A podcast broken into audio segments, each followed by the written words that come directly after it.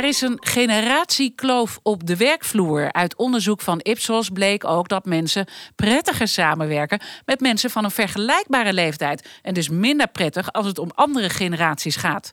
Zeker bij techniekbedrijven waar de gemiddelde leeftijd stijgt, is het voor jongere generaties soms lastig aansluiting vinden bij de gevestigde oudere orde.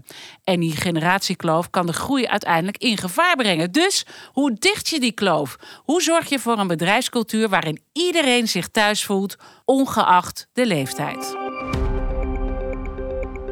Vanaf de redactie van de makers van morgen.com. Aan de bak. Een podcast voor iedereen die in de techniek werkt en met personeelszaken te maken krijgt. We behandelen prangende HR-kwesties in een arbeidsmarkt die als nooit tevoren onder druk staat. Mede mogelijk gemaakt door Techniek Nederland.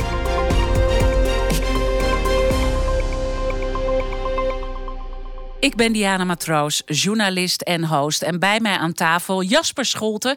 Hij is een generatiedeskundige en schrijver van het boek Het Millennial Mysterie.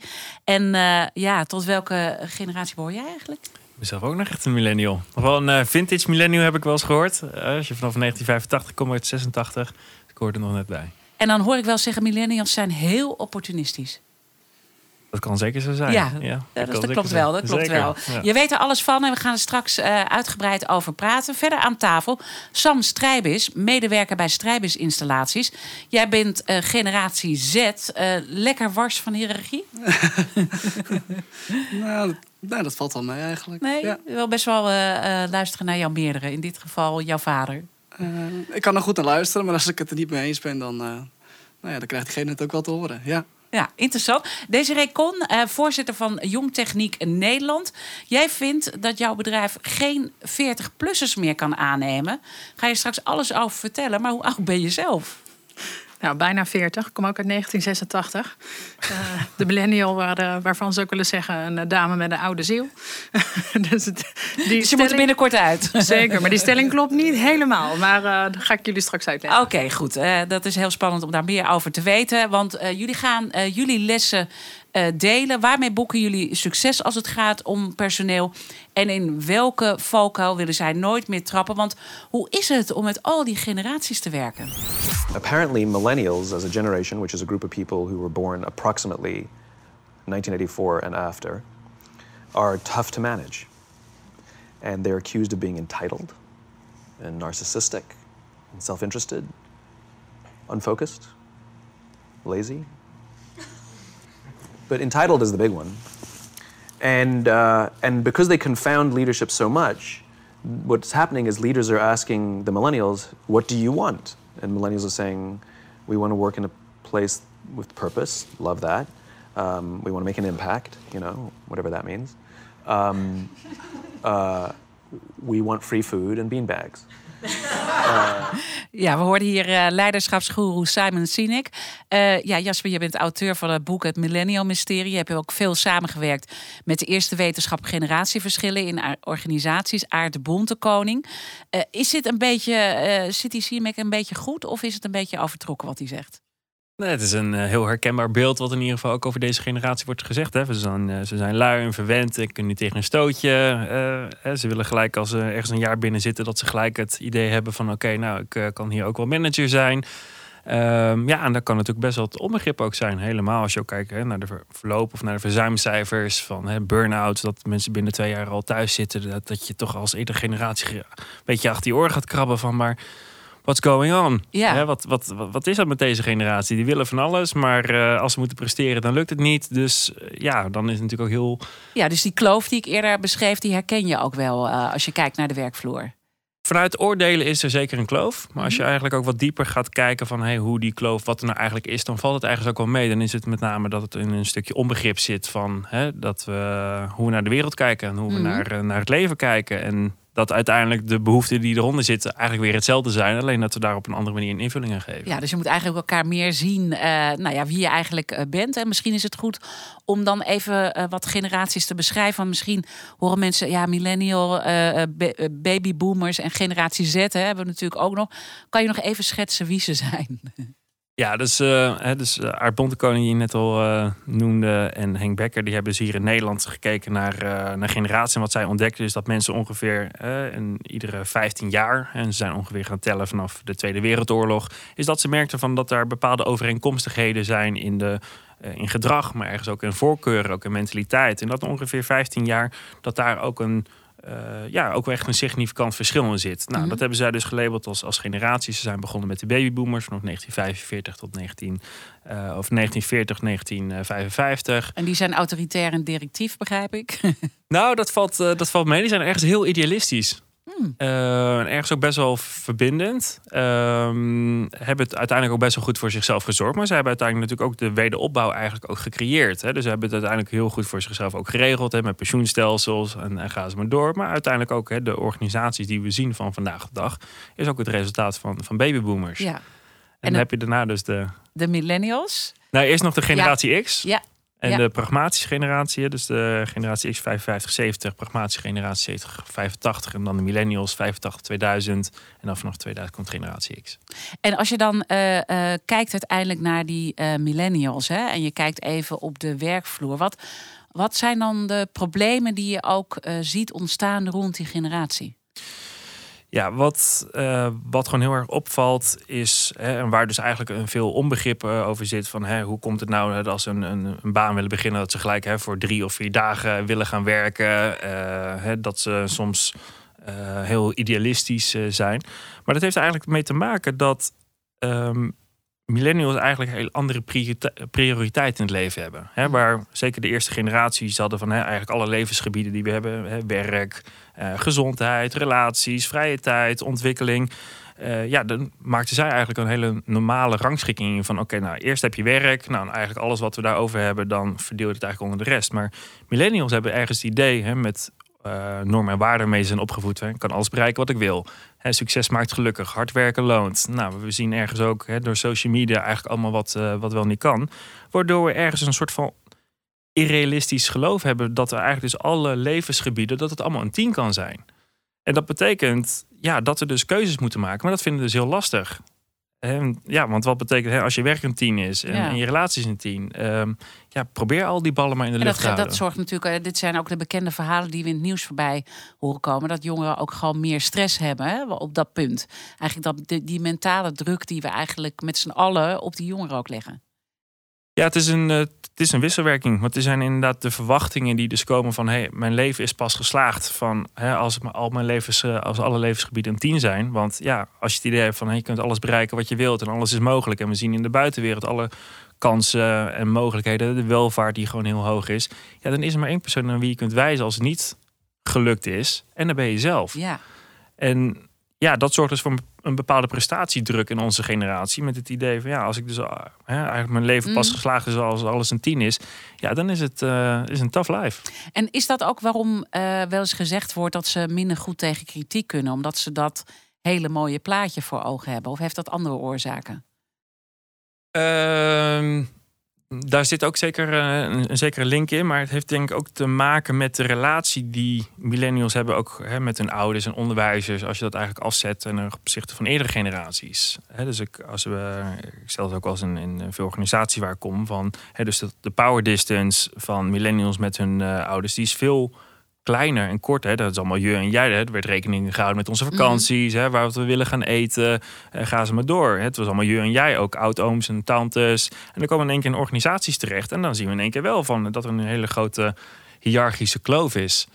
En dat is ja, soms best wel een beetje verwarrend. Ja. Van oké, maar waarom hè, moet het nou in één keer zo helemaal zo top-down en autocratisch... eh, ja, wordt er tegen mij iets gezegd, waar ik dat eigenlijk helemaal niet gewend ben. Ja, terwijl ik eh, Sam ook hoor zeggen van nou, ik, ik kan eigenlijk best wel, hè, ik kan best wel tegen die hiërarchie ook, maar niet altijd. dus dat, dat, dat maakt een beetje op uit je blik, hoe je nu kijkt. Ehm, nou, ik vind altijd dat je met mensen die eh, een oudere leeftijd dan jou hebben, daar moet je altijd respect voor hebben, vind ik. Maar Ja. ehm, ik vind ook als jij eh, een mening hebt en jij vindt iets, of je vindt het ander dan, anders dan degene die, eh, die iets tegen jou zegt, dan, eh, mag, dan moet dat wel onderbouwd zijn. Ja, dat, dat vind je belangrijk, die onderbouwing. En je bent 21, hè? misschien goed om dat erbij te zeggen. Klopt dat, 21? Ja, dat klopt. Ja. En je werkt met je vader. Merk je dan ook in rolpatronen dat eh, nou ja, hij bepaalde dingen doet en jij? En, en gaat het altijd even vloeiend? Ehm, nou, ik denk dat we elkaar altijd wel een beetje later. Dat ik bij mijn vader ging werken, was ik, denk ik, 17 of 18. Ehm, nou, net mijn rijbewijs. nou ja, dan eh, moet je nog een hoop leren. En ondertussen zit ik eh, nou, tussen de vijf en zes jaar in het vak. Ehm, ja, dus dan uh, ja, je gaat met hem mee en uh, je, je leert langzamerhand dingen. En daarvoor heb ik ook al bij twee andere bedrijven gewerkt.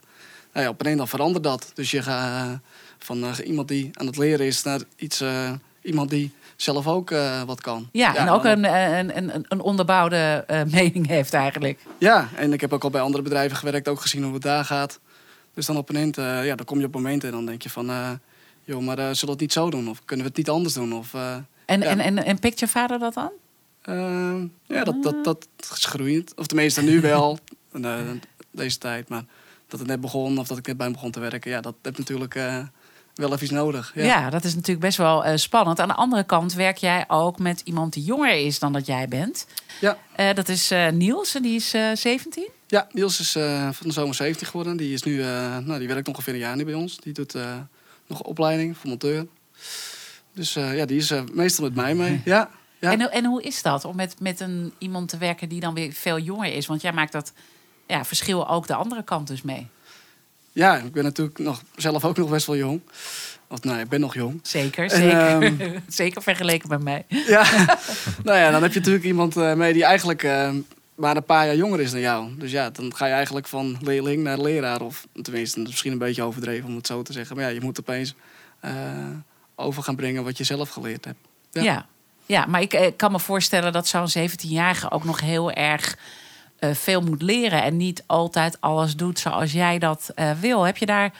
Natuurlijk vind je nieuws geweldig. Maar heb je ook wat voorbeelden dat, dat je denkt. Hè? Um, nou ja, we, we werken veel voor particuliere mensen. Dus uh, zijn eigenlijk altijd bij mensen zelf thuis.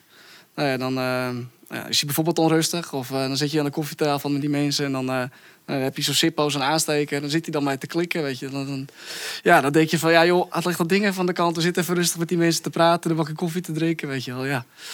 Dus het gaat meer om het omgaan uh, met anderen. Dus niet te veel op je telefoon of, of dit soort... Nou ja, een beetje die houding aannemen die niet echt gepast is bij een klant. Nee, precies. Ja, als ik natuurlijk bij iemand aan het werk ben en ik ga er zitten... en van, dan doe maar een bakkie en ik ga zitten met mijn telefoon en zo... en heel erg ongeïnteresseerd. ja, dat dat werkt niet. En dat, dat is denk ik ook wel een dingetje wat ook bij het leren hoort in ons vak. Ja. ja, nou wat ik wel mooi vind is dat jullie allebei gewoon heel erg bezig zijn om je zelf te ontwikkelen. Hè? Want dat doet Niels ook, maar jij zelf ook. Hè? Je, doet, je doet echt ook nog opleidingen daarnaast om jezelf echt te ontwikkelen naar het nu toe. Uh, ja, ik heb zeg maar met de, de MBO, uh, MBO-kampioenschappen meegedaan. Dat, ben ik dan, dat heb ik dan gewonnen, dus Nederlands kampioen. Ja. Um, daarnaast... NK loodgieten, toch? NK loodgieten. Ja, goed, ja, echt ja. goed. Gefeliciteerd. Dankjewel, ja. Uh, nou, daarnaast doe ik dan nog een MBO 4 opleiding. Dus ik heb mijn MBO 2 en 3 gehaald voor uh, monteur. En nu doe ik dan nog een dag in de week uh, werkvoorbereider. En nou daarnaast ben ik nog met die wedstrijden bezig. En ik mag dan in november daarvoor naar Polen, dus dan moet ik ook weer voor oefenen. en ik ben ondertussen bezig met mijn stack, dus dat je met koeling mag werken. Nou ja, dus mijn week zit al vol. goed, goed, dat je dat allemaal doet. En uiteindelijk is het ook zo, waar moeten bedrijven nu met name investeren? Gaat het nou om de oudere of de jonge generatie? En die verschillen daartussen. En niet iedereen vindt dat ook altijd even makkelijk. Luister ook maar eventjes naar Bob Leuverink. Hij is HR-manager van het installatiebedrijf Hellebrekers. Wij ervaren binnen het bedrijf een zekere generatiekloof tussen de jongeren en de ouderen. Waarbij de jongeren wat meer uh, flexibel willen werken en de ouderen wat uh, meer vasthouden aan het oude vertrouwde. En dat is voor ons dan ook wel een reden om juist op die uh, jongere generatie wat meer te investeren. Uh, Desiree, misschien mooi om daar met jou over verder te praten. Je bent naast voorzitter van Jong Techniek Nederland samen met je man mede-eigenaar van installatiebureau Con in 2010 gestart.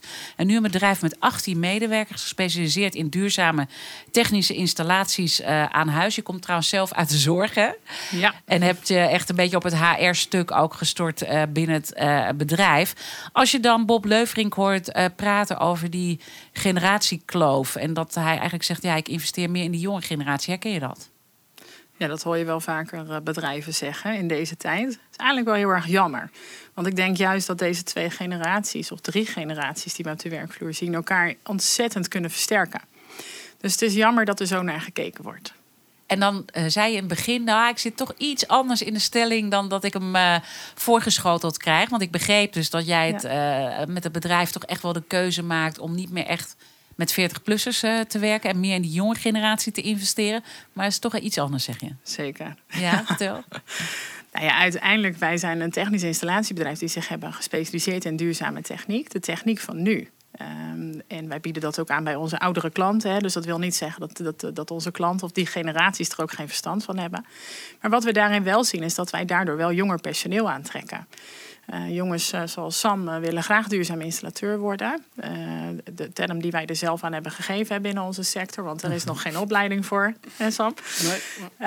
nou, je hoort het Sam net ook zeggen, die gaat zijn stekpapieren ook halen. Die zijn ook nodig om uiteindelijk die duurzame technieken te kunnen blijven aanbieden bij onze klanten. Dat wil zeggen dat, en, en, de opleiding is heel pittig, hè, laten we dat ook niet vergeten. De vraag is: wil iemand van 50 die opleiding ook nog doen? Ja.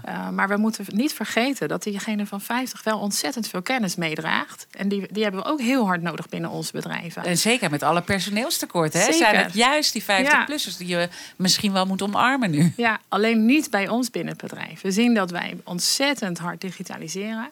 We werken met een ERP-pakket waarbij de jongens ook met, de, met, de, met Synthes werken. Wij. En uh, de jongens gaan ook met een, uh, met een iPad naar buiten. Um, die digitalisering gaat gewoon heel erg hard. Uh, en ook het in bedrijf stellen van warmtepompen. Nou, ik denk dat ze als geen ander weet dat dat echt wel heel veel van je, van je, is dat zo van je digitale skills vergt. Ja, als je met een hoop uh, verschillende merken werkt en dan ja, het is alles weer is weer anders. Dus je moet overal cursussen voor doen. Je moet naar die fabriek, naar die fabrikant, daar een cursus voor ja, het is best wel. Uh, en alles, ja, alles is ook gewoon anders. Ja. ja. dus je zegt niet, ik ben tegen 40 of 50-plussers. Maar uh, je merkt gewoon dat eigenlijk die jonge generatie dit veel makkelijker oppakt. Ja. Meer gemotiveerd is om ook daarin te nou, investeren. Zou ik ook, dat zou ik niet zo nee. stellen. Mm. Ik denk dat het, de digitale wereld is ons met de paplepel ingegoten. Dat is, ik denk in onze generatie. Hè, ik ben uit 86, dat is bij ons begonnen. Uh, en we zien dat het nu een vlucht neemt. Hè. Mijn eigen kinderen die stellen voor mij al uh, appjes in. Die spelen spelletjes waarvan ik nog nooit... Uh, ik heb het ook, ik heb ja. het ook. dus dat wil zeggen dat de digitalisering neemt een vlucht. en als bijvoorbeeld als ik naar mijn vader of mijn moeder kijk... Als, als we die moeten meenemen in het spelletje wat mijn kinderen spelen... dan moeten ze dat, opa of oma, misschien wel 15 keer uitleggen... waarbij ze het bij mij met zeven keer wel voor elkaar En dan heb je geen tijd voor je bedrijf. Nee, nou ja, dat is ook niet helemaal zo. Je probeert daar wel op in te zetten. Ja, opleiden en ontwikkelen is bij ons wel mm. een van de pijlers. Wil je mensen houden in je organisatie, zal je daarin echt moeten inzetten op opleiden en ontwikkelen. Uh, en dan, daarmee hou je alle generaties ook beter binnen. Mm -hmm. uh, alleen je moet kijken naar waar de behoeften liggen van die generatie. En volgens mij zijn wij wel de meest onrustige generatie tot nu toe. En de generatie na ons zie je dat die ook wel. De, de, de, je weet wat je nodig hebt om uiteindelijk je werk goed te kunnen doen. En daar zijn ze ook bereid toe. En met wij bedoel je dan degene die uh, bijna uh, 40 is? Nee, zeker niet. Nee, de jongens van zoals de leeftijd van Sam. Ja, ja, ja, Die weten uiteindelijk wel wat ze nodig hebben om hun werk goed uit te kunnen oefenen. Ja. Wij zijn daar soms nog een beetje zoekende in. En volgens mij de generatie boven ons, die hebben daar niet altijd meer heel veel zin in.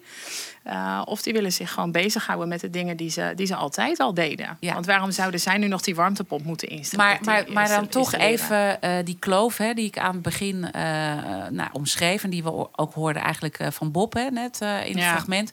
Uh, hoe, hoe zou je die nou het beste moeten aanpakken? Hoe doe jij dat?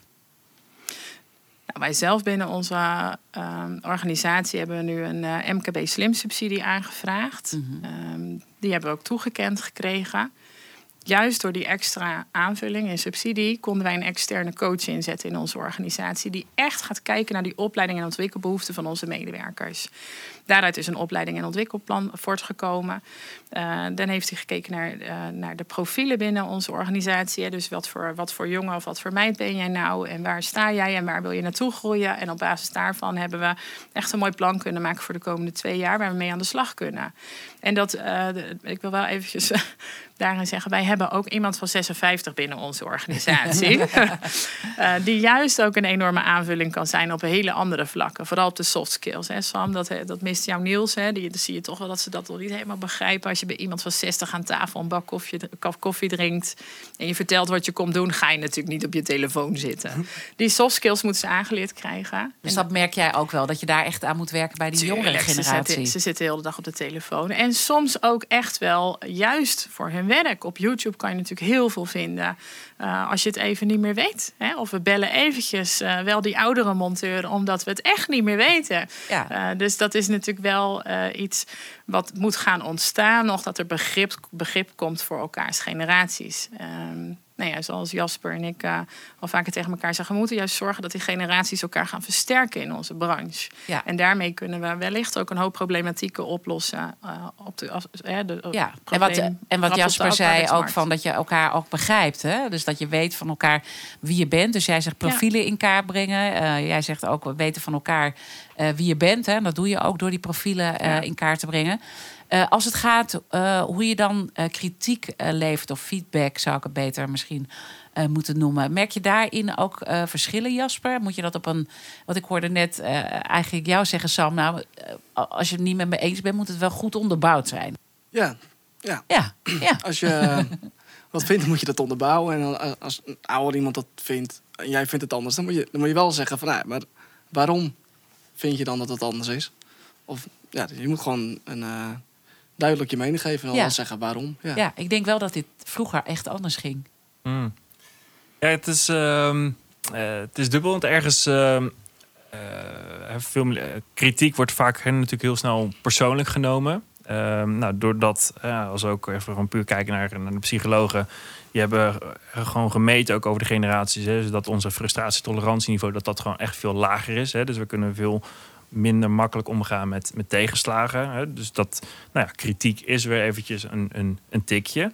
Maar tegelijkertijd zijn uh, millennials die identificeren zich toch iets minder met hun werk uh, dan zeg maar de voorgaande generaties. Dus in die zin is, zal die tik dus wel ietsjes minder zijn voor millennials dan zeg maar voor, voor andere generaties. Dus andere generaties. komt het veel meer binnen omdat het echt ja, je hele leven bijna is. Ja, het precies. Werken, hè? Er wordt echt gewoon je hele autoriteit wordt aangepast. En je identiteit helemaal. Als je waarschijnlijk tegen een monteur van 50 zegt van hey, die doe je niet goed. Ja, dat is gewoon echt een persoonlijke belediging waarschijnlijk. Ja, goed dat jij al die, die beeldvormen ook een beetje ontkracht. Hè? Want we hebben allemaal dingen die we eigenlijk zeggen. Millennials kunnen niet tegen kritiek. Maar misschien komt kritiek wel veel harder aan bij iemand die ouder is dat zit er dus beide in. Dus het gaat uiteindelijk om van hoe erg we daarmee geïdentificeerd zijn. En wat is daarna zo eigenlijk ook onze eigen veerkracht. Hoe we dus met tegenslagen omgaan. Nou, dat zijn dus de eerdere generatie zijn daar een stukje beter in. Dus waarschijnlijk over de linie heen zal het niet zoveel uitmaken.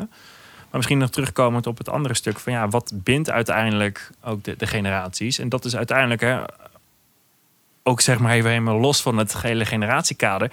Wat willen we allemaal? We willen allemaal werkplezier en dat is uiteindelijk voor de eigenaar die wil werkplezier. Want werkplezier leidt ook gewoon tot betere resultaten. Hè. Dus dat mensen bij je willen werken. Eh, dat het, uh, je medewerkersbestand uh, goed is. Dat straalt ook zich door naar klanten.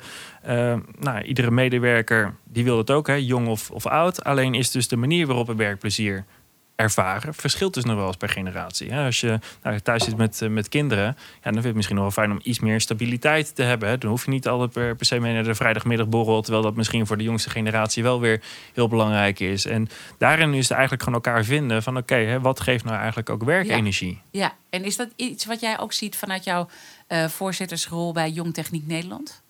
Ja, zeker. Je ziet dat een uh, jonge DGA natuurlijk hele andere behoeften heeft dan een oudere DGA. Daar hebben we afgelopen jaren heel wat uh, mee gesproken.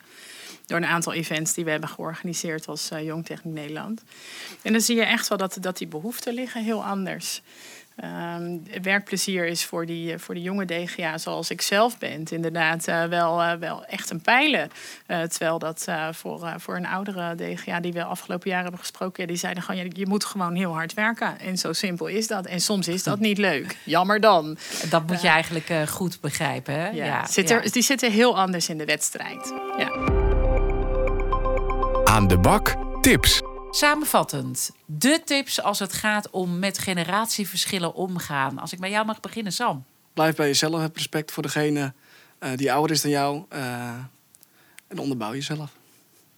Helder. Desiree? Nou, vanuit mijn rol als eh, voorzitter van Jong Techniek Nederland zou ik ook alle bedrijven in Nederland adviseren om te gaan kijken naar de MKB Slim subsidie. Waarbij je een externe persoon in kan zetten om eens te gaan kijken naar de profielen binnen je organisatie. Want volgens mij gaat het daarom, we moeten naar competenties kijken. En hoe kunnen we elkaar versterken? En we moeten niet meer kijken naar de, de vaderrol of de zoonrol, maar echt kijken naar de competenties en de, markt van nu. En wat vraagt dat ook van ons? Dus volgens mij uh, zou dat wel een hele mooie zijn uh, richting onze luisteraars. Van, ga, ga daar naartoe, ga naar die subsidie toe. En uh, tot slot jij, Jasper. Dus focus op de energiegevers. Hè, van, uh, vraag echt proactief naar hè, waar krijg je nou echt energie van in je werk en in hoeverre kan je dat nog meer doen en wat zijn de energievreters en ga dat met elkaar oplossen zodat het voor iedereen uh, leuker en aangenamer wordt. Al met al, we moeten aan de bak. Zoveel is duidelijk. En ik heb echt ook van jullie geleerd. Ga gewoon echt op het. toch wel echt naar de verschillende groepen kijken. Kijk echt waar die behoeftes zijn. En maak het naar elkaar ook open, zodat je elkaar ook beter leert begrijpen.